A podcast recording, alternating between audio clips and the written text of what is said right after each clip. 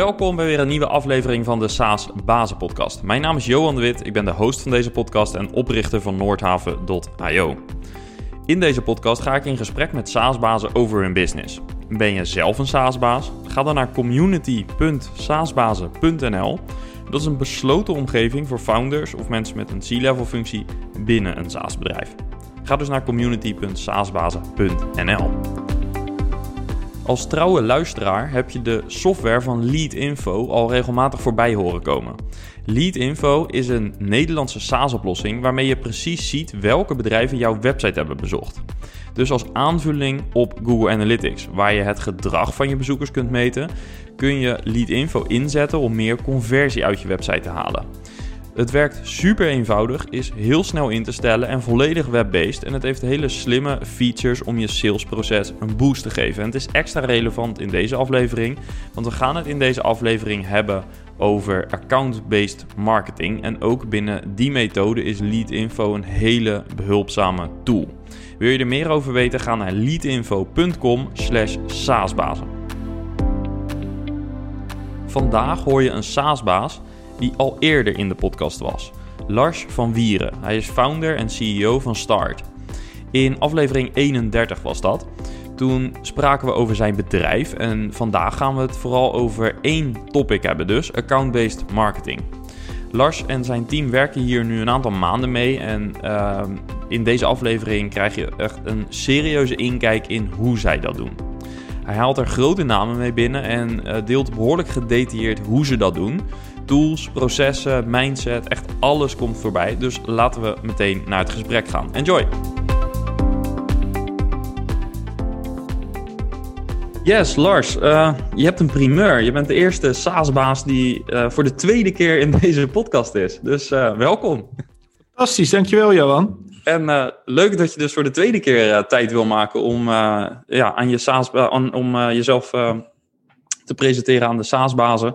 Uh, voor de mensen die de eerste aflevering nog niet geluisterd hebben, uh, ook dat is een aanrader. Scroll even terug in de tijdlijn en uh, zorg dat je ook die podcast luistert. Daar hebben we het over jouw bedrijf, over Start en over heel veel verschillende thema's. Vandaag gaan we het ietsjes anders doen. We gaan het vandaag vooral hebben over één thema en dat is account-based marketing. En um, jullie zijn daar al een tijdje mee bezig. En uh, nou, we hebben regelmatig even contact met elkaar. En uh, zo kwam het idee eigenlijk om daar eens over te gaan hebben. Um, dus misschien is het gewoon eens goed om te beginnen met uh, nou, een stukje definitie. In ieder geval onze definitie. Um, ja, kun je vertellen hoe jullie bij account-based marketing uit zijn gekomen? Wat heeft geleid tot het implementeren van account-based marketing en, en wat is het? Ja, dat is een hele goede vraag. Uh, het, het, is een heleboel. En misschien is het beste als ik even terug in de tijd spoel. Want het is eigenlijk een fout die ik als, uh, ja, ook als first-time founder gemaakt heb die ook aan de basis lag van account-based marketing. Want ik ben acht jaar geleden ben ik met uh, Start uh, begonnen. Ik werkte toen bij Google en we deden één keer per jaar een eindeloos saai klanttevredenheidsonderzoek. En ik dacht van, hé, hey, we zijn het nummer één techbedrijf ter wereld. Waarom doen we dat op zo'n ouderwetse manier? Dus ja, ik ben Start begonnen met het idee om ja, die klanttevredenheidsonderzoeken eens even op te schudden. Nou, dat ging eigenlijk al best wel snel heel goed. Alleen ik begon steeds meer kansen te zien. Dus klanten zeiden: ja, kunnen jullie ook onze supportafdeling doen? Uh, medewerkertevredenheid. We willen eigenlijk ook wel feedback over het recruitmentproces. Dus ja, we probeerden er voor iedereen te zijn, waardoor we er voor niemand echt waren. En als je er ook voor iedereen probeert te zijn, ja, wat voor verhaal ga je dan ook op je, op je website uh, in je marketing vertellen? Dus uh, het kwam toch uiteindelijk neer op uh, Filipijnse dynamiet vissen. Gewoon staaf in het water en hopen dat er ja, een goede lied boven kwam draaien, drijven. En toen, twee jaar geleden, toen hebben we met elkaar gezegd van oké, we zijn nu een, een hele kleine vis in een grote zee. We zagen ook elke dag een nieuwe concurrent. Ja, daar word je ook, ook helemaal gek van. Dus we dachten van, nou, laten we sowieso zorgen dat we een grote vis in een kleine vijver zijn. Kunnen we altijd nog die, die vijver groter proberen te maken of naar een andere vijver overspringen. En toen zijn we ook ons, de manier waarop we marketing doen, uh, zijn we gaan, uh, gaan herzien. En uiteindelijk waar het uh, voor ons op, op neerkomt met account-based marketing, is dat wij veel meer zijn gaan kijken van wat zijn onze succesvolle klanten, welke ja, karakteristieken hebben, ze, hebben die en hoe kunnen we er, er daar meer van vinden. Dus dat is eigenlijk in een notendop wat wij doen met account-based marketing. Ja, dus in de eerste plaats al veel meer focus. Absoluut meer focus. En eigenlijk er ook voor zorgen dat je meerdere personen die de beslissing beïnvloeden, dat je daar al een connectie mee maakt. Er is een, statistiek die zegt dat een paar jaar geleden waren er gemiddeld vijf mensen binnen een bedrijf die een beslissing beïnvloeden. Ja, dat zijn er nu al zeven. Dus jij kan wel denken dat je lekker bezig bent. Hè? Je hebt iemand uh, gesproken en die geeft allemaal koopsignalen. Maar ja, dan die persoon kan nog een manager hebben. Er kan nog een, uh, een ondernemingsraad zijn die ook een stem heeft. Er kunnen nog zoveel beren op de weg zijn. En als je die niet op, tijdig herkent, ja, dan krijg je op een gegeven moment een nee te horen. En dan begrijp je niet waar het misgegaan is. Ja, dus dan kom je eigenlijk terecht een beetje bij uh, ook de term multilevel sales. Dus je kunt wel aan één iemand een demo geven, maar het is ook belangrijk om te weten wie er verder in de DMU, dus Decision Making Unit zit, wie er verder betrokken zijn bij dat aankoopproces zodat je ook uh, die mensen, in marketingtermen noemen we het vaak bewerken. Maar dat is natuurlijk een belachelijke term.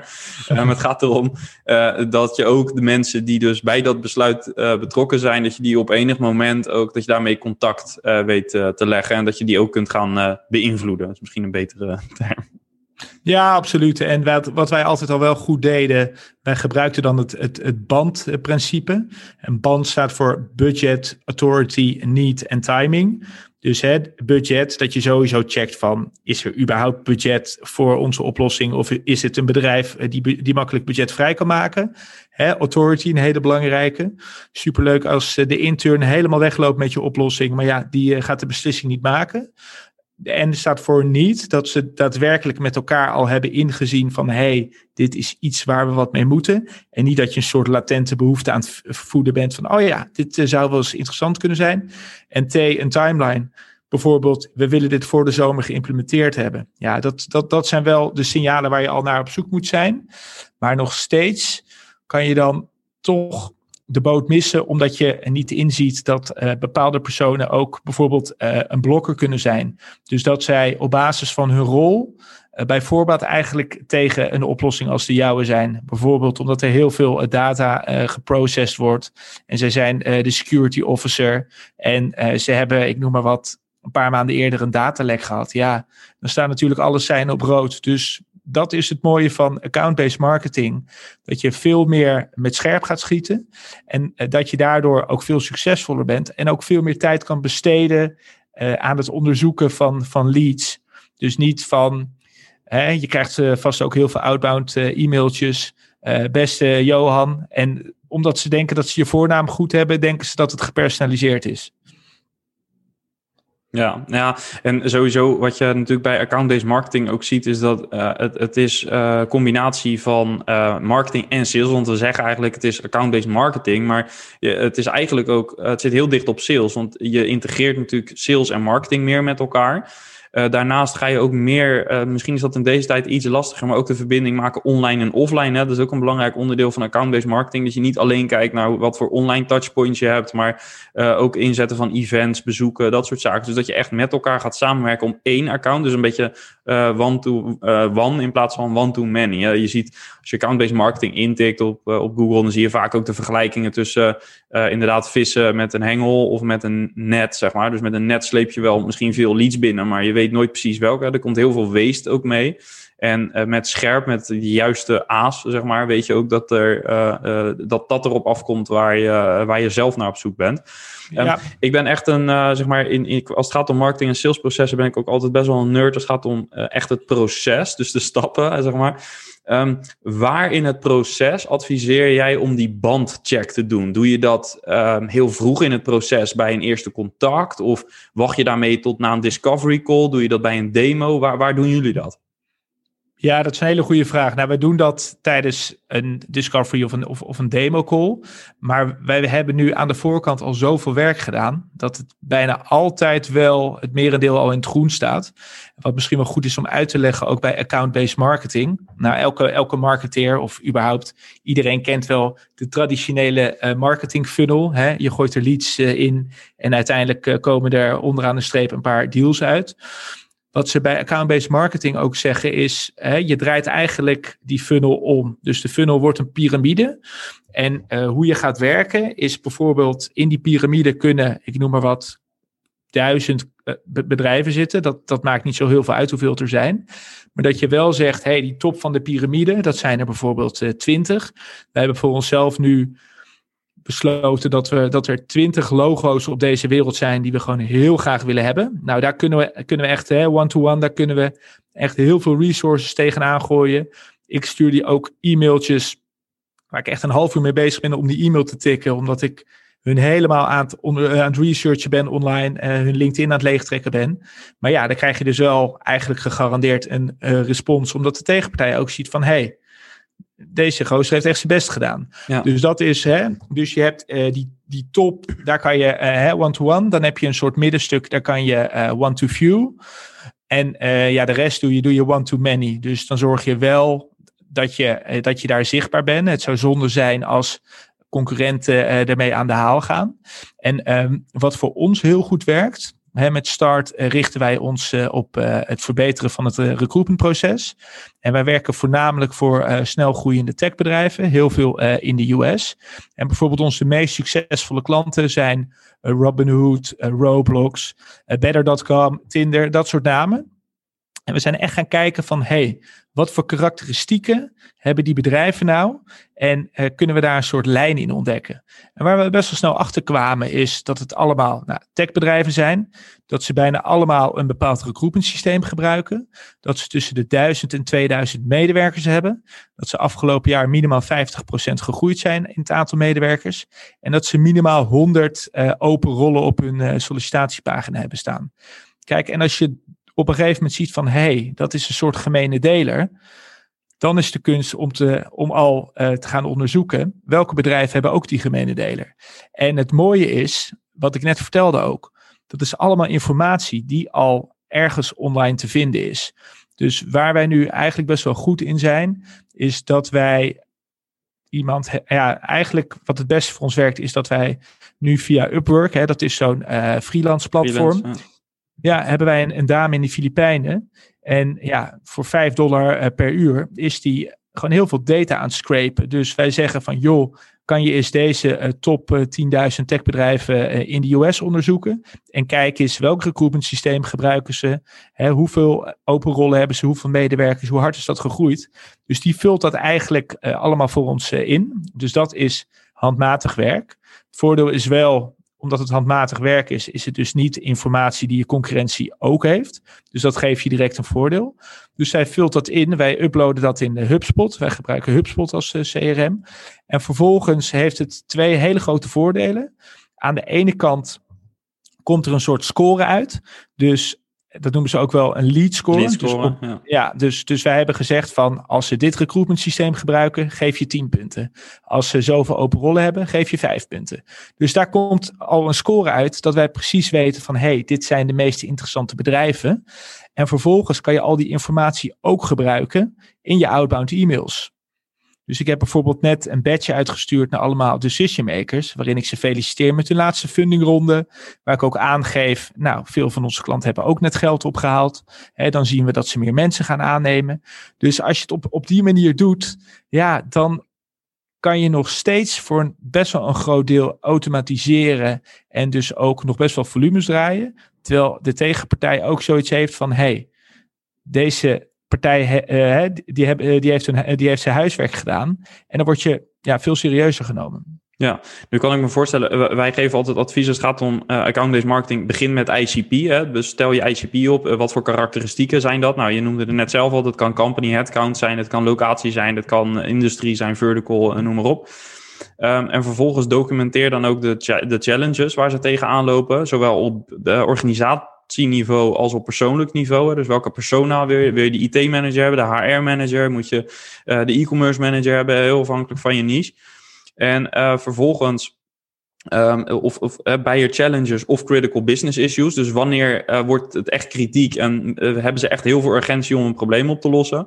En maak daar een target account list van. En die target account list, daar ga je mee aan de slag. dus eigenlijk zeg je van heel veel research je, waarvan jullie zeggen in de basis kunnen wij al dingen automatiseren. Um, even heel praktisch voor luisteraars die denken, hey, dat is interessant, zoiets wil ik ook doen. Uh, dat screpen, denk, doen jullie dan bijvoorbeeld gewoon subdomeinen screpen um, om, om de in de broncode te zien welk HR-platform ze gebruiken? Want zoiets kan ik me voorstellen.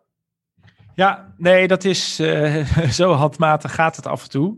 We hebben nog wel, hè, bijvoorbeeld om bijvoorbeeld te noemen, um, Greenhouse en Lever. Dat zijn twee platformen waar heel veel techbedrijven op zitten. En die hebben altijd als URL is het bijvoorbeeld uh, boards.greenhouse.io slash company name. Dus daar kan je ook nog wel in Excel wat slimme trucjes dat je al een heleboel invult en dat, dat je gewoon gaat testen van hey, is dat, is dat de juiste? Dan heb je vaak al 80% goed. Dus het is, het is heel veel testen, heel veel slim nadenken. Ook heel veel met andere bedrijven praten die ook account-based marketing doen. Ik had gisteren bijvoorbeeld een, een meet-up met zes andere SaaS-bedrijven die, die dit ook allemaal doen. Hè, wat kan je van elkaar leren? Dus het is ook heel veel testen en soms gaan dingen helemaal mis en soms heb je in één keer een schot in de roos. Bijvoorbeeld wat voor ons nu heel goed werkt, is dat op LinkedIn zitten heel veel mensen met hun persoonlijke e-mailadres. Of hun account is gekoppeld aan hun persoonlijke e-mailadres. Kijk, als je die informatie, uh, en, die, en die, die kan je best wel makkelijk ook, ook ophalen. Dat kan je bijvoorbeeld weer in, in Facebook uh, uploaden. Want dat biedt Facebook aan. Hè? Je kan bijvoorbeeld mensen eh, die geabonneerd zijn op jouw nieuwsbrief. Hè? Je kan in één keer dan zo'n Excel-bestand uploaden. Kijk, die, die kan je dan uploaden in Facebook uh, en Instagram. En relatief goedkoop kan je precies je contactpersonen benaderen op die platformen waar ze ook zitten. Dat iedereen denkt altijd, hè, ik moet ze op LinkedIn benaderen. Natuurlijk, dat is wel ook hè, de omgeving waarin ze professioneel bezig zijn. Maar ja, iedereen weet dat ze ook op die andere platformen zitten. En als je daar tegen eh, een fractie van de kosten hetzelfde kan bereiken, ja, dan is dat absoluut de moeite waard natuurlijk. Ja, zijn ook weer hele belangrijke touchpoints, ja. En inderdaad, eh, LinkedIn is in die zin uh, vaak een stuk duurder dan uh, bijvoorbeeld een Facebook of, uh, of Insta. Ja, gaaf. Ja. Um, de vraag die het bij mij oproept, en dat is ook wel een vraag die natuurlijk veel SaaS-bedrijven bezighoudt, uh, vanwege het businessmodel aan zich al. Um, customer acquisition cost. Um, misschien goed voor de luisteraar die daar nog niet zo heel erg bekend mee is. Um, binnen SaaS, uh, je verkoopt een abonnementsmodel natuurlijk, en je hebt altijd kosten om een nieuw abonnement te verkopen. En vaak is dat, als het niet zo is, dan heb je het heel goed gedaan. Maar vaak is het dat uh, de, de kosten die je maakt, die verdien je niet in de eerste maand terug. Meestal pas na een aantal maanden, soms twaalf maanden, afhankelijk van uh, je prijzing en, en de effectiviteit van je marketing. Um, maar naarmate je meer inspanningen gaat doen per account, nemen natuurlijk de customer acquisition kosten ook toe. Um, aan de andere kant is het zo dat jullie platform, uh, als je een klant binnenhaalt, dan heeft dat natuurlijk ook veel impact hè, uh, voor een relatief hogere prijzing dan. Um, uh, hoe meten jullie dat en, en wat is op dit moment ongeveer de payback period bij jullie? Geen idee. nee, dat is, ik zou je vertellen, dit is iets wat ik altijd obsessief meten. Toen kwam, uh, toen kwam corona, toen werden wij ook best wel hard geraakt, moet ik zeggen. We zitten in de recruitment. Nou, dat is sowieso de branche die altijd als eerste een, uh, een harde klap krijgt. Ook de eerste die herstelt. Dus we zien het herstel wel echt heel hard optreden nu ook. Maar eigenlijk, ik denk vanaf vorig jaar mei, ja, toen was denk ik elke contactpersoon die we hebben in Amerika was eh, eruit gegooid. En bedrijven hadden niet eens meer kandidaten om feedback aan te vragen. Dus het, eh, het, het, was even een zware tijd. En toen hebben we eigenlijk die metrics even losgelaten. Meer ook een soort uh, kop in zand techniek van uh, we worden hier alleen maar verdrietig van. Ik wil het niet weten. ik, wil, ik wil het niet eens weten, dus we stoppen er even mee. As we speak zijn we dat deze maand weer allemaal aan het herstellen. En ik weet wel, we hebben best wel onze kosten teruggebracht. En de omzet is eh, vrij hard aan het stijgen nu. We maken zelfs een beetje winst uh, tegenwoordig. Dus ik, ik weet zeker dat die kosten goed staan. Maar we moeten die, uh, ja, die, die KPI's weer even opnieuw gaan optuigen. Dus dat is, staat voor eind van deze maand gepland. Maar je, je voelt gewoon aan alles dat het een goede investering is. Het is, hè, vroeger was het ook met outbound e-mails. Ja, dan stuurde je er uh, eh, 300. Dan dacht je van, hé, hey, nou, hè, lekker volume. Maar was de respons eigenlijk lager dan als we er nu 10 sturen. Dus je bent eigenlijk ja, toch ook een beetje afbreuk aan het doen aan je goede naam. Want heel veel mensen lezen die e-mail en die denken van... joh, wat is dit voor irrelevante e-mail? Dus hè, die klikken ook op unsubscribe... wat weer je uh, domeingezondheid uh, niet ten goede komt. Dus wat, wij, wat, wat wij sowieso nu zien is dat met een, met een kleiner team dat we, dat we meer deals binnenhalen. Dus ik weet zeker dat het, dat het ergens iets goed doet. Al moet ik wel zeggen dat wij ook pas net een beetje uh, vaart beginnen te krijgen met account-based marketing. En ook wat jij aangaf, nu met, met de hele pandemie. Het is wel best wel eenzijdig account-based marketing. Hè? Je hebt je e-mails, je hebt je LinkedIn, je kan nog wat belletjes uh, plegen, je kan wat advertenties. Maar wat, precies wat je zegt, het, het sterkste aan account-based marketing is die online-offline combinatie. Bijvoorbeeld wat ik, wat ik veel heb gelezen en gehoord, is als jij nou, een aantal zeer succesvolle klanten hebt. Hè, wij hebben bijvoorbeeld in, in San Francisco, nou, ik denk iets van 15 of 20 partijen die succesvol met onze oplossing zijn. Wat ze dan zeggen is, joh, huur gewoon een prachtig restaurant af in, uh, in San Francisco. Kost je misschien wel 5 of 10.000 euro.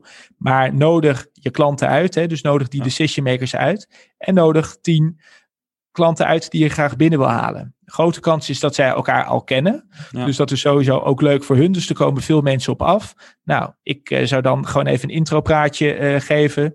Ook wel zeggen waarom het zo belangrijk is wat we doen. Maar voor de rest hoef je eigenlijk niks meer te zeggen over je product. Want ze gaan vanzelf al over je oplossing praten. En dat zijn bijvoorbeeld van die touchpoints die nu niet kunnen. En dat is wel erg jammer. Ook omdat het natuurlijk heel leuk is.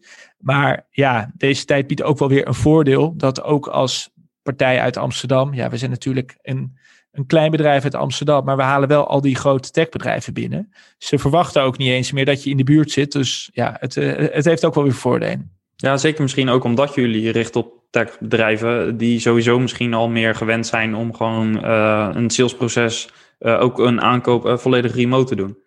Ja, absoluut. En wat voor ons ook heel erg meewerkt nu, is, en dat is ook een van de problemen die we altijd hebben gehad bij Start, is het was voor ons heel moeilijk om klanten uh, up te cellen. Hè? Dus, dus we haalden ze binnen, vaak ook wel voor een prima bedrag, maar vervolgens was het heel lastig om ze meer te gaan verkopen. Dus wat wij nu hebben gezegd is, oké, hoe kunnen we ervoor zorgen dat je eigenlijk die upsell al in de boek hebt staan, zonder dat je er iets voor hoeft te doen. Dus wat wij sinds een half jaar doen, is dat je bij ons afrekent op het aantal medewerkers dat je hebt. En ja, als je dan met account-based marketing precies die bedrijven weet te vinden die elk jaar verdubbelen of minimaal 50% groeien qua medewerkers, dan staat je upsell natuurlijk in de boeken. Dus dat ga je ook wel terugzien aan je uh, customer acquisition costs. Dat je, die zullen misschien iets hoger zijn, maar ja, als je al weet van en ze blijven langer en ze gaan elk jaar uh, 20, 30 procent meer betalen, ja, dan is het natuurlijk echt een, eh, een gouden deal. Ja, ja, gaaf. Ook een mooie meter. En dat staat ook in jullie ICP. Dus dat uh, bedrijven een bepaalde uh, ja, jaarlijkse groei moeten laten zien. Idealiter. Idealiter. Kijk, wij weten of nou, ik heb geen glazen bol, maar ik, ik voel aan alles dat over vijf jaar elk bedrijf zijn recruitmentproces doormeet. Het is best wel raar dat je met sales, met marketing, met je product, dat je alles doormeet, dat je echt alles weet. En ja, dat je recruitmentproces vaak een soort black box is. Dat je geen idee hebt hoe je kandidaten behandeld worden. Dat je geen idee hebt of ze te lang of misschien zelfs te kort in het proces zitten. Dus het is eigenlijk ja, een, no-brainer dat partijen dit gaan doen. Maar wij zien nu ook al dat hè, die grote bedrijven, die corporates, die willen dit wel. Maar ja, die kunnen het gewoon nog net niet. Dus we hebben wel Coca-Cola, Danone, BAM, een aantal hele grote uh, bedrijven. Maar we zien dat op dit moment de route naar succes, ja, absoluut het snelst via die, uh, via die techbedrijven gaat. Ja, uh, waar ik benieuwd naar ben, uh, in het, uh, door account-based marketing heb je in het acquisitieproces dus best intensief contact. Hè? Ze zijn een hoge mate van personalisatie gewend, ze zijn heel veel aandacht gewend, heel veel relevantie gewend. Zodra ze klant worden, dan wil je, denk ik ook, doe even aanname, dan wil je natuurlijk dat ze zo snel mogelijk ook zelfstandig gaan onboorden en ook uiteindelijk het product adopteren. hoe Um, schept dit niet hele hoge verwachtingen ook voor de adoptie en de onboarding bij het product? Met andere woorden, moeten jullie niet ook daardoor veel consultancy doen? Of, of advies bij de onboarding? Hoe ga je daarmee om? Nou, dit is, dit is absoluut een hele goede vraag. En ook hier komt je ICP weer op de hoek kijken. Wij hebben bijvoorbeeld voor de aantal recruitment systemen hebben we nu zo'n diepe integratie gebouwd dat wij weten van als jij Greenhouse of Lever of Smart Recruiters gebruikt, dan kunnen we jou binnen 30 dagen helemaal live krijgen met exacte vragen die je wil, exacte workflows. Hè? En vanaf dat moment is het, is het eigenlijk ook redelijk handen los. Dus niet dat we dan de klant uh, lekker uh, aan zijn lot overlaten. Maar dan weten wij van, joh, zolang jij kandidaten blijft afwijzen, maar ook blijft aannemen, dan blijft ons systeem die inzichten wel uh, geven. Dus dat is, dat is ook wel zeker een, een learning geweest. Dat vroeger moesten we ook wel echt die klant achter zijn broek aan zitten. Van joh, ga nou weer eens om feedback vragen. Um, en wij zien bij uh, in het recruitmentproces, ja, je hebt zoveel kandidaten per dag. Als je het niet automatiseert, dan is het niet eens mogelijk om feedback te vragen. Dus juist het feit dat we met account-based marketing partijen binnenhalen die al de goede systemen gebruiken. Weten wij ook van de onboarding is relatief makkelijk voor ons. En ja, we kunnen ook hen beloven dat ze binnen 30 dagen live zijn. En dat is ook wel een heel groot uh, voordeel. Wij, uh, wij volgen de scaling-up methode. En die hebben het ook heel erg over uh, je brand promise. Hè? Wat is nou een brand promise die je ook in je salesgesprekken kan doen? Waardoor die klant ook een soort comfort krijgt van... hey, deze partij die begrijpt het, het is makkelijk om mee samen te werken. En ik hoef niet heel veel werk zelf te doen. Dus ja, daar komt, eh, daar, daar, daar komt de cloud-based eh, marketing over om de hoek kijken. Ja, dus eigenlijk wat normaal gesproken een beetje service is, is bij jullie eigenlijk meer productized service. Dus die onboarding, dat hebben jullie eigenlijk zo geproductized door een goede integratie te hebben, uh, wat bijna een use case is. Uh, Zodat het ook super uh, smooth gaat. Ja, gaaf. Uh, nog even een vraag over het proces. Want ja, zoals ik al zei, ik ben best wel een nerd als het daarover gaat. normaal gesproken bij wat meer de traditionele aanpak zie je vaak... Hè, het begint met een lead. Je hebt eerst een lead. Die lead wordt een marketing qualified lead, hè, MQL. een MQL wordt een SQL, Sales Qualified Lead. Soms ook nog een SAL, Sales Accepted Lead. Dan wordt het een Opportunity en dan hopelijk een deal. Dat hele straatje. Nou, in dat straatje zit er natuurlijk sowieso vaak een handover van marketing naar sales... Um, als een klant commit, dus na de deal, dan komt er vaak een handover naar customer succes. Um, heb je die handovers nog op deze manier? Want binnen account-based marketing zie je ook vaak dat die handovers wat minder aanwezig zijn en dat het allemaal wat meer, dat marketing en sales meer samenwerken. Hoe, hoe ziet dat uit bij jullie? Ja, nee, hele goede vraag. Het is sowieso dat uh, sales en marketing veel meer samenwerken. Dus wij hebben bijvoorbeeld op maandag heb ik met marketing en met sales hebben we de account-based marketing uh, weekly meeting. Waar we ook even bespreken van hè, wat gaan we deze week doen. Echt, echt om, om een beetje met elkaar af te stemmen. En het voordeel van account-based marketing in combinatie met HubSpot en in combinatie met Slack is dat je juist heel veel op een manier kan automatiseren. Dat er ook geen leads tussen het wal en schip vallen. En dat inderdaad die overdracht al voor een heel groot deel uh, gewaarborgd is. Om een voorbeeld te geven. We hebben nu onze website gekoppeld aan HubSpot en aan Slack. En er komt gewoon een notificatie als een bepaalde klant ja, eigenlijk zichzelf heeft opgewarmd. Dus dan staat er, hey, let op, deze persoon is op je pricing page geweest. Die heeft uh, een whitepaper gedownload en die heeft zich ingeschreven voor een webinar. Ja, dan weet je wel van, er gebeurt daar wat. Dus dan, dan komt er een notificatie en dan weten ook uh, de BDR's van, hey, uh, ik moet deze opvolgen. En die geven dan ook terugkoppeling wat er gebeurt.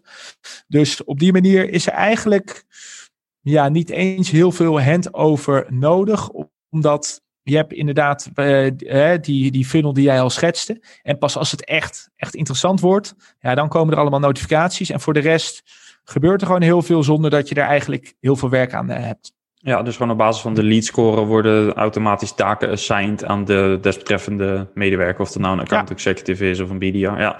En um, als, uh, als je kijkt naar uh, binnen dat hele proces is dus heel veel geautomatiseerd. Um, nou, een deel van de kosten kun je dus, dus meten.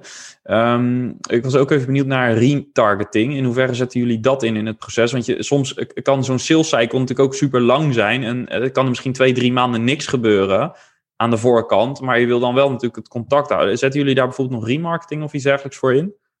Of lead ja, nurturing? Dus... Of... Sowieso lead nurturing. En het ligt bijvoorbeeld ook met outbound e-mails. het ligt ook een beetje aan uh, de, contactpersoon of de rol van die persoon. Als het bijvoorbeeld ja, de, de uiteindelijk de gebruiker, uh, die we ook wel, hè, de, hè, die noemen we de end user of de champion, die sturen we vaak in een korte tijd uh, wat meer e-mails. En, en, en, die worden vanuit een BDR gestuurd. En uiteindelijk de decision maker, die krijgt e-mails vanuit mij. Maar ja, dan ga ik niet in, in twee weken tijd drie e-mails sturen. Dus daar zit bijvoorbeeld uh, vertraging op van eerste maand en dan nog eens, nog eens drie maanden. Hè, waarin we ook heel erg vragen van, kan je me in contact brengen met de juiste persoon binnen de organisatie die hierover gaat. Dus het is, daar is vooral ook heel veel leren, hè, heel erg naar je data kijken, wat werkt, wat werkt niet.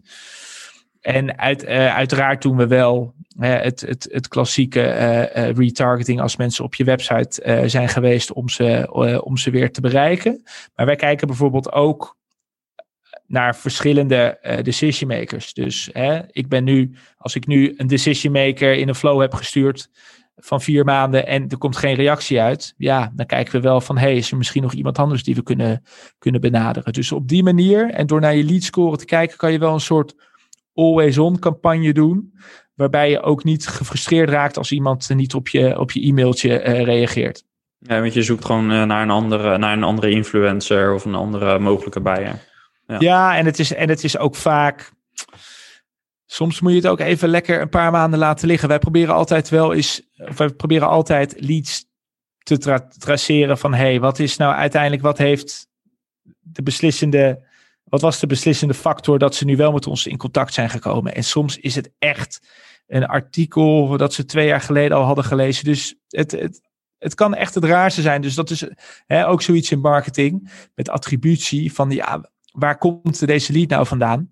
Wij kijken ook relatief weinig naar attributie. Want dat, dan, is het ook, dan kan het ook een beetje een strijd worden van tussen marketing en sales. Nee, het was mijn outbound e-mailtje. Nee, het was mijn whitepaper. Dus we kijken vooral van, hey, gaan de totale metrics omhoog? Ja, dan doen we dus met elkaar wat, uh, wat goed. Ja, nou sowieso, ik las laatst een artikel, ik ben even kwijt waar dat nou precies was, maar dat uh, ging over de vergelijking van, uh, is er wel in marketing en in sales, is er wel iets als een controleerbare funnel, bestaat dat? Nou, ik zie natuurlijk heel veel voorbeelden voorbij komen, we maken zelf ook veel voorbeelden. Um, en ja, die voorbeelden zijn er dus ook wel, maar tegelijkertijd zie je ook natuurlijk dat heel veel salesprocessen zijn helemaal niet zo lineair als marketeers graag willen. Um, er, ga, er, zitten tussen, er gebeuren heel veel dingen bij zo'n account waar je eigenlijk gewoon geen invloed op hebt wat je niet weet. En ik las de vergelijking, uh, volgens mij een pinballapparaat. Hè? Dus uh, het schiet soms alle kanten op en je weet soms niet wat nou het echte daadwerkelijk het setje heeft gegeven. Want het kunnen vier verschillende personen zijn. soms is er opeens een saboteur. Hè? Je gaf net zelf al aan, dat kan bijvoorbeeld met dataprotectie of met dataverwerking te maken hebben. Maar wat we ook vaak zien natuurlijk, veel SaaS-bedrijven die maken processen dermate eenvoudig dat het ook soms posities disrupt.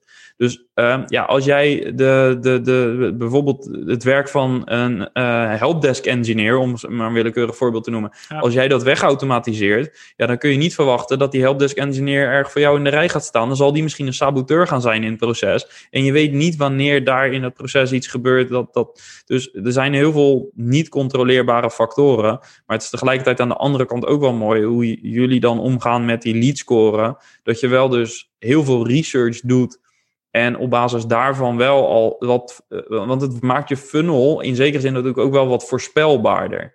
En je ziet... Zeker, ja, en, en het is sowieso met, met marketing is altijd, is dat natuurlijk op marketing, uh, of, of wat mensen over marketing zeiden van de helft van mijn budget is verloren, maar ik weet niet welke helft. Hè? Dat was altijd met tv-commercials en kranten.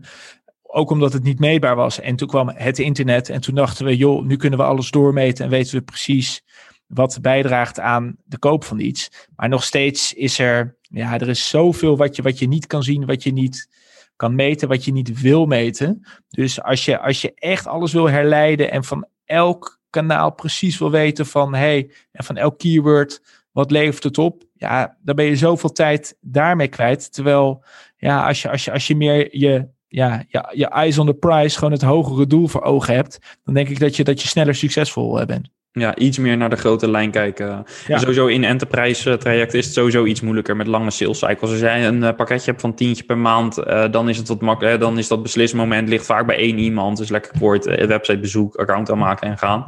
er zit ook nog wel een verschil in. Um, voor de mensen die um, zoiets hebben van ja, dit, dit vind ik wel interessant. Ik zou er meer over willen weten. Nou, uh, internet staat er vol mee. Dus uh, los van uh, wat wij hier allemaal delen, is het denk ik al genoeg te vinden. Ehm, maar in jouw ervaring, wat is nou echt die ene procent die het verschil maakt tussen goede account-based marketing en minder goede? Oprechtheid. Dus dat klanten oprecht het gevoel hebben. Er is onderzoek naar me gedaan. Ze begrijpen mijn probleem. Ze kunnen mijn probleem oplossen en ze hebben mijn probleem al voor allemaal vergelijkbare klanten opgelost. Dus dat is, dat is het enige wat uiteindelijk gaat werken. Hè. Je kan alles automatiseren. Je kan nog zoveel mooie dingen scrapen. Maar als ze het gevoel hebben van, joh, wat is dit voor irrelevante e-mail? Ja, dan haken ze af. Dus, dus daar, daar zit eigenlijk de key is, ja, toch de menselijkheid. Dat is, uh, ja, het klinkt misschien echt als... Uh, als onzin of als een open deur. Maar daar zien we echt het verschil. Dus ook hoe meer we personaliseren, hoe meer onderzoek we doen. Dus wat wij bijvoorbeeld ook heel veel doen is met hun content op LinkedIn uh, interacten. Hè? Dus dat we kijken welke posts ze hebben, hebben ze gedaan en dat we daar wat over kunnen zeggen. Dus ze moeten echt het gevoel krijgen van hey, het is oprecht. En ja, ze begrijpen ook nog steeds wel dat er bepaalde dingen geautomatiseerd zijn. Maar uh, hoe. En, en, en dat vind ik ook altijd, hè, daar ben ik weer een nerd in. Uh, ik probeer altijd dingen te automatiseren. Waarbij de andere partij denkt van. Nee, maar dit is onmogelijk dat dit geautomatiseerd kan zijn. Dus bijvoorbeeld wat wij gebruiken ook wel. Hè, je, je hebt bepaalde tooltjes dat je, of, of überhaupt op LinkedIn, dat je, dat je, dat je mensen kan uh, connecten. En dat je dan een, een berichtje typt. En ja, ik weet niet uh, door hoeveel mensen jij per dag wordt uitgenodigd, maar dat is vaak de grootste algemeenheden van uh, ik vind het echt gaaf wat je aan het doen bent, uh, let's connect. Ik, Terwijl... ik, krijg, ik krijg altijd uh, de opmerking, ook vaak van Engelstaligen, want dan zien ze in mijn, in mijn tagline zien ze staan dat ik podcast host ben en dan krijg ik zo, ik krijg elke, nou sowieso wekelijks, maar va vaak ook wel dagelijks krijg ik verschillende verzoeken van mensen die willen iets met podcast host doen blijkbaar. En dan uh, heel vaak, uh, als een podcast, uh, en dan, dan stuur ik altijd terug, oh, welke aflevering vond je het leukst?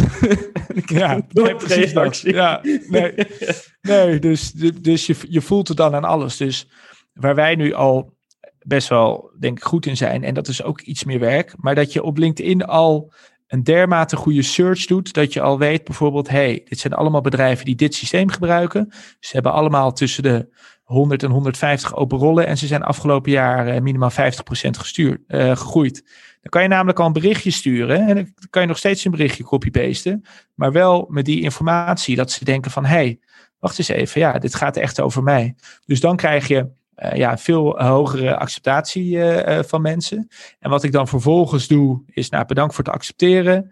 en, en dan het berichtje, no sales pitch, I promise mocht het toch uh, interessant worden, laat het me weten. Ja, en hoeveel mensen er vervolgens triggeren op dat no sales pitch en zeggen, hey, kunnen we een afspraak plannen? Ja, dat is echt ongelooflijk. Dus het is ja, toch een beetje spelen uh, op een positieve manier met uh, de psyche van de mens. En hè, if you want money, ask for advice. If you want advice, ask for money. Dat is precies wat het is.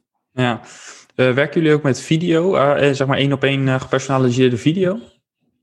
En dat, dat zijn typisch van die zaken die we dan uh, testen. Dus uh, we hebben video getest. Zagen we niet buitensporen goede resultaten. We werken nu ook met, uh, met animaties in e-mails. Daar zijn we nu aan het testen. ik heb, daar hoorde ik van anderen dat die daar hele goede resultaten mee hadden. voice messages via LinkedIn. Dus je kan op je telefoon, als je naar iemand een bericht stuurt via gewoon LinkedIn uh, message, dan kan je ook een, een, een voice message, eigenlijk een soort voicemail achterlaten. Ja, zagen we ook niet fantastische resultaten mee. Maar nogmaals, misschien heeft dat het ergens wel uh, beïnvloed. Dus het is, ja, het, het, is, het is toch veel dingen uh, proberen. Vooral de potentiële klant niet spammen. En er vooral voor zorgen ook als je meerdere personen binnen een organisatie benadert, dat ze wel echt een ander e-mailtje krijgen. Hè, niks is zo gênant als dat dat een manager iets doorstuurt naar eh, iemand anders en zegt: Hey, kan je hier eens naar kijken? Oh ja, ik kreeg precies hetzelfde mailtje. Oh ja, mijn buurman ook. Dus uh, ja, het is gewoon logisch blijven nadenken en zorgen dat je, dat je relevant bent en dat je gewoon echt een goede oplossing voor ze hebt. Ja. ja, het is toch wel mooi dat je dan uiteindelijk terugkomt bij um, dus relevantie en, en dus ook vertrouwen bouwen. je bent bijna geneigd om heel erg te denken in de technische tooltjes en uh, slimme automatisering en zo. Maar onderaan de streep zeg je dus eigenlijk: zorg gewoon dat je super relevant en uh, betrouwbaar bent. Um, want dat. Ja. Korte e-mailtjes, uh, geen uh, URL's in je e-mails, geen bullet points gebruiken. Het zijn allemaal van die kleine dingen die ervoor zorgen dat ze het echt als een, een e-mailtje zien waar ze wat mee uh, willen en mee gaan doen. In plaats van, oh ja, typisch sales e-mailtje. Want je weet allemaal hoe die sales e-mailtjes eruit zien. Dus ja, dat moet je, moet je voorkomen. Ja, zou je ook een nadeel kunnen noemen van account-based marketing? Ja, als ik een nadeel moet noemen, is dat je misschien toch wel bepaalde oogkleppen op hebt, waardoor je een heleboel andere kansen uh, wellicht laat liggen. Maar ja, aan de andere kant, dat is precies waar ik, uh, waarom ik eigenlijk twee jaar geleden mijn bedrijf opnieuw ben begonnen. Omdat ik te veel kansen zag. Dus ik denk dat voor veel partijen dat dat misschien een nadeel kan zijn. Of dat ze het gevoel hebben, uh, we laten kansen liggen. Maar ja, je kan en wil er ook niet voor iedereen zijn. Dus natuurlijk ga je leads missen. Maar bijvoorbeeld ook als, als nu iemand een demo bij ons boekt, dan kan je aan de ene kant denken, hey, een demo, potentieel een klant, potentieel geld. Maar we kijken dan toch eerst naar uh, die lead score. En als die lead score te laag is, dan, dan zeggen we ook, ja, sorry, kunnen we beter nu al nee zeggen tegen deze partij. En misschien ze ook helpen. Soms raden we ook een concurrent aan van joh, kijk daarnaar. Maar ja, dan weet ik nu al van dat het mijn, uh, dat het mijn kans op succes, hè, vooral de druk op mijn uh, supportteam, maar ook potentiële churn in de, in de toekomst, dat ik dat daarmee kan voorkomen. Dus het is, het is wel echt een cultuuromslag. Ik heb ook wel gemer gemerkt dat ik mensen echt wel mee moest krijgen. Want je gaat vooral nee zeggen tegen heel veel dingen. Maar als ze dan zien van, hé, hey, we hebben er succes mee, het is ook leuk, ja, dan geeft het gewoon superveel energie. En dan is het echt van gezamenlijk hè, focus, focus, focus. En, uh, ja, en, en veel deals eh, binnenhalen. Ja. Ja, je ziet nog wel eens dat uh, als een sales team echt op een bonus staat, uh, dat dat een beetje pijn kan doen. Hè? Dus dat er nog wel eens een uh, toch doorheen gestampt wordt. Maar als je daar echt een hele duidelijke visie op hebt en ook echt in de hele organisatie dat draagvlak hebt, dan is dat natuurlijk, geeft het super veel rust. En iedereen weet gewoon veel beter waar je op moet focussen. Ja. Um, is er nog iets rondom account-based marketing wat je wilde delen waar eh, we het niet over gehad hebben, waar ik niet naar gevraagd heb? Ja, misschien uh, kom ik nu als een mega-expert op het gebied van account-based marketing over. Maar wij, uh, wij, wij, doen dit eigenlijk ook pas echt goed, denk ik, een maand of vier, vijf. Dus wij zijn ook nog heel erg aan het leren en aan het testen. Dus ja, dit is vooral ook een, een, oproep naar anderen.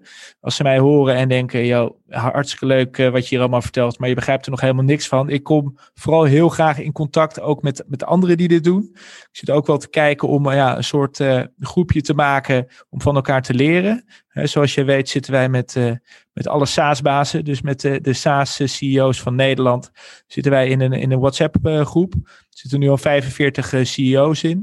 Uh, je moet minimaal 1 miljoen uh, annual recurring revenue hebben als een soort ja, minimale instap. Hè? Omdat je dan toch een beetje dezelfde uitdagingen hebt. En ik leer zo verschrikkelijk veel van die groep dat ik ook zoiets heb van als er meer partijen zijn die uh, met account-based marketing bezig zijn, ja, ik zou het alleen maar interessant zijn om, om met elkaar op te trekken en uh, om van elkaar te leren. Ja, super gaaf. Ja, en dit is natuurlijk ook iets wat gewoon continu doorontwikkelt. En uh, wat ik al zei, bij, wij zien het ook bij veel klanten. bij het ene bedrijf gaat, het, gaat bijvoorbeeld die online video door het dak. Uh, die gepersonaliseerde video. Bij een ander bedrijf is het juist retargeting wat heel veel doet. En, en bij een ander bedrijf is het gewoon een hele sterke value proposition en super scherpe focus. Dus ja, dat is super gaaf om dat over meer bedrijven te zien en dan de trends daarin te ontdekken. Um, ja, super gaaf. En volgens mij zit het best wel goed met die kennis hoor. maar ja, tegelijkertijd, we zijn nooit uitgeleerd. Dus ook ik ben benieuwd naar. misschien is het ook wel leuk als we deze podcast publiceren. Dat we gewoon ook, ook daar nog even bij oproepen om deel te nemen aan het gesprek. En misschien kunnen we een keer een leuke Zoom-webinar-achtig iets doen over account-based marketing. En dan dat iedereen die daar mee bezig is, bijvoorbeeld een use case of een soort van case study neerlegt. misschien gewoon leuk om daar eens wat verder op door te gaan. Want dit is echt een, een heel gaaf onderwerp, inderdaad. Ja, en, en nog één heel groot voordeel wat ik ben vergeten te melden voor alle andere ondernemers uh, out there. als ondernemer, nogmaals, zie je natuurlijk altijd kansen. En ik weet ook nog dat zeker de eerste jaren van start, dan stond ik ook op, op feestjes of netwerkborrels. En dan was ik ook alleen maar aan het kijken van, hey, zijn er hier niet interessante mensen aan wie ik mijn product kan verkopen? Door account-based marketing weet ik gewoon welke duizend bedrijven op deze wereld ik wil hebben. En ook per bedrijf uh, zijn vijf mensen interessant. Dus er zijn maar 5000 mensen eigenlijk interessant. Nou, de kans dat ik die uh, ongeluk tegen het lijf loop is bijzonder klein. Dus het geeft ook wel een bepaalde rust. Dat je niet ook altijd, zeg maar, die, uh, die sales... Uh, die signalen uit hebt staan van hey, loopt hier niet iemand rond? Dus ik vind het uh, ja, nogmaals ook wel rustgevend. En ik vind het daarom ook heel leuk, omdat ik weet welke bedrijven ik wil hebben, om heel veel over ze te lezen. Dus we hebben, ik heb allemaal Google Alerts aanstaan, LinkedIn updates. Dus ja, bedrijven uh, als Peloton, Snowflake, gewoon echt gave bedrijven. Ik weet daar nu heel veel vanaf. Dus ik vind dat eigenlijk ook wel een heel groot pluspunt. Ja, gaaf. Ja, goed. Uh, daar hebben we het ook kort even in de eerste aflevering over gehad. Dus nogmaals voor de mensen die die, die nog niet gehoord hebben, luister ook dat even terug, want daar heb je het ook onder andere over dit, dit voordeel. Trouwens, um, even om af te sluiten. Uh, je neemt nu het woord feest in de mond. En dat uh, herinnert mij een beetje aan het feit dat jij naast uh, dit, naast jouw rol als SaaS-baas bij Start, ook nog in je vrije tijd mixes maakt. ik moet heel eerlijk zeggen dat regelmatig als ik even in flow state wil komen, dan ga ik naar Soundcloud. Dan tik ik in Lars Vegas. Dus mensen, Lars Vegas. ik zorg even dat de link in de show notes komt. Heel goed, heel goed. En, ik zie je je ook in mijn Soundcloud uh, Insights dat je een grote fan bent, uh, Johan. Dus, ja, ja, oh, ja, tuurlijk. Dat, nou, dat kan je nog zien ook. Ja, dat is waar. Dat, ik kijk natuurlijk zelf ook wel eens bij de luisteraars. Nee, met name Enjoy the Silence, die track. Die, die zit een beetje aan het eind van de tweede track, van je tweede mix. Ja. Die is echt briljant. Ik vind het echt, echt heerlijk. ja, dankjewel. ja, dus ja, dat is wel heel gaaf. En ja, het geeft altijd veel energie. We hebben hem zelfs in het kantoor en zo ook regelmatig aanstaan. Dus, ja, ja, nou, het, heb, heb ik nog een leuke update voor je, Johan. Want er komt deze week, ik heb net een nieuwe set uh, opgenomen. En dat zijn allemaal jaren 80 nummers in de remix. Dus uh, het kan een beetje voelen alsof je van een brandslang uh, aan het drinken bent. Want het is, het is vrij veel. Het was ook vrij intens om het aan elkaar te mixen. Maar dat ja, wordt hopelijk mijn claim to fame voor de 80s lovers. Ja, super gaaf. Nou, ik ben nu al fan. wanneer komt die uit? Oeh, we hadden het in de voorbeschouwing al over forcing functions. Hè, dat je jezelf druk moet opleggen. Oké, volgende week uh, staat hij online. Oké, dus dan hebben we het. We nemen dit op uh, op uh, eh, 11 maart. Dus dan hebben we het over 18 maart. Dat is de deadline. Uiterlijk. Zo ongeveer. Oké, okay, tof. Mooi. Nou, ook dat gaan we in de gaten houden. Ja, nogmaals, dus ook dank voor vandaag weer. als ja, de tweede keer in de podcast. En ehm, uh, misschien als mensen meer over jou te weten willen komen, denk uh, LinkedIn het makkelijkste. Lars van Wieren. Ja, inderdaad. Als, het, uh, als ze niet de beste voornaam sturen, dan. dan, komt het helemaal goed. Dus wel persoonlijk, wel, ja. Ze ja. moeten wel met een goed bericht komen. Ja, of ze moeten het heel slim automatiseren. Dat vind ik nog leuker. Ja, oké. Okay. Nou, bij deze de uitdaging aan iedereen die, die luistert. Tof. Mooi. nogmaals, thanks. Top. Jij ook bedankt. Was leuk.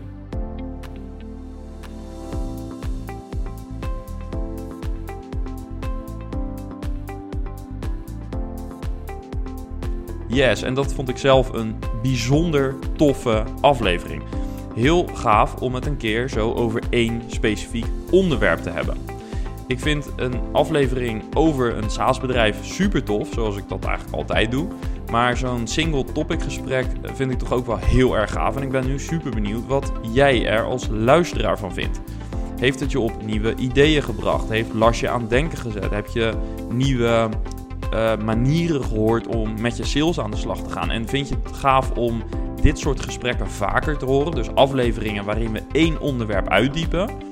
dan eh, zou ik het leuk vinden om dat van je te horen. Of natuurlijk ook als je het niet interessant vindt, want op die manier kunnen wij dus de podcast uh, blijven verbeteren.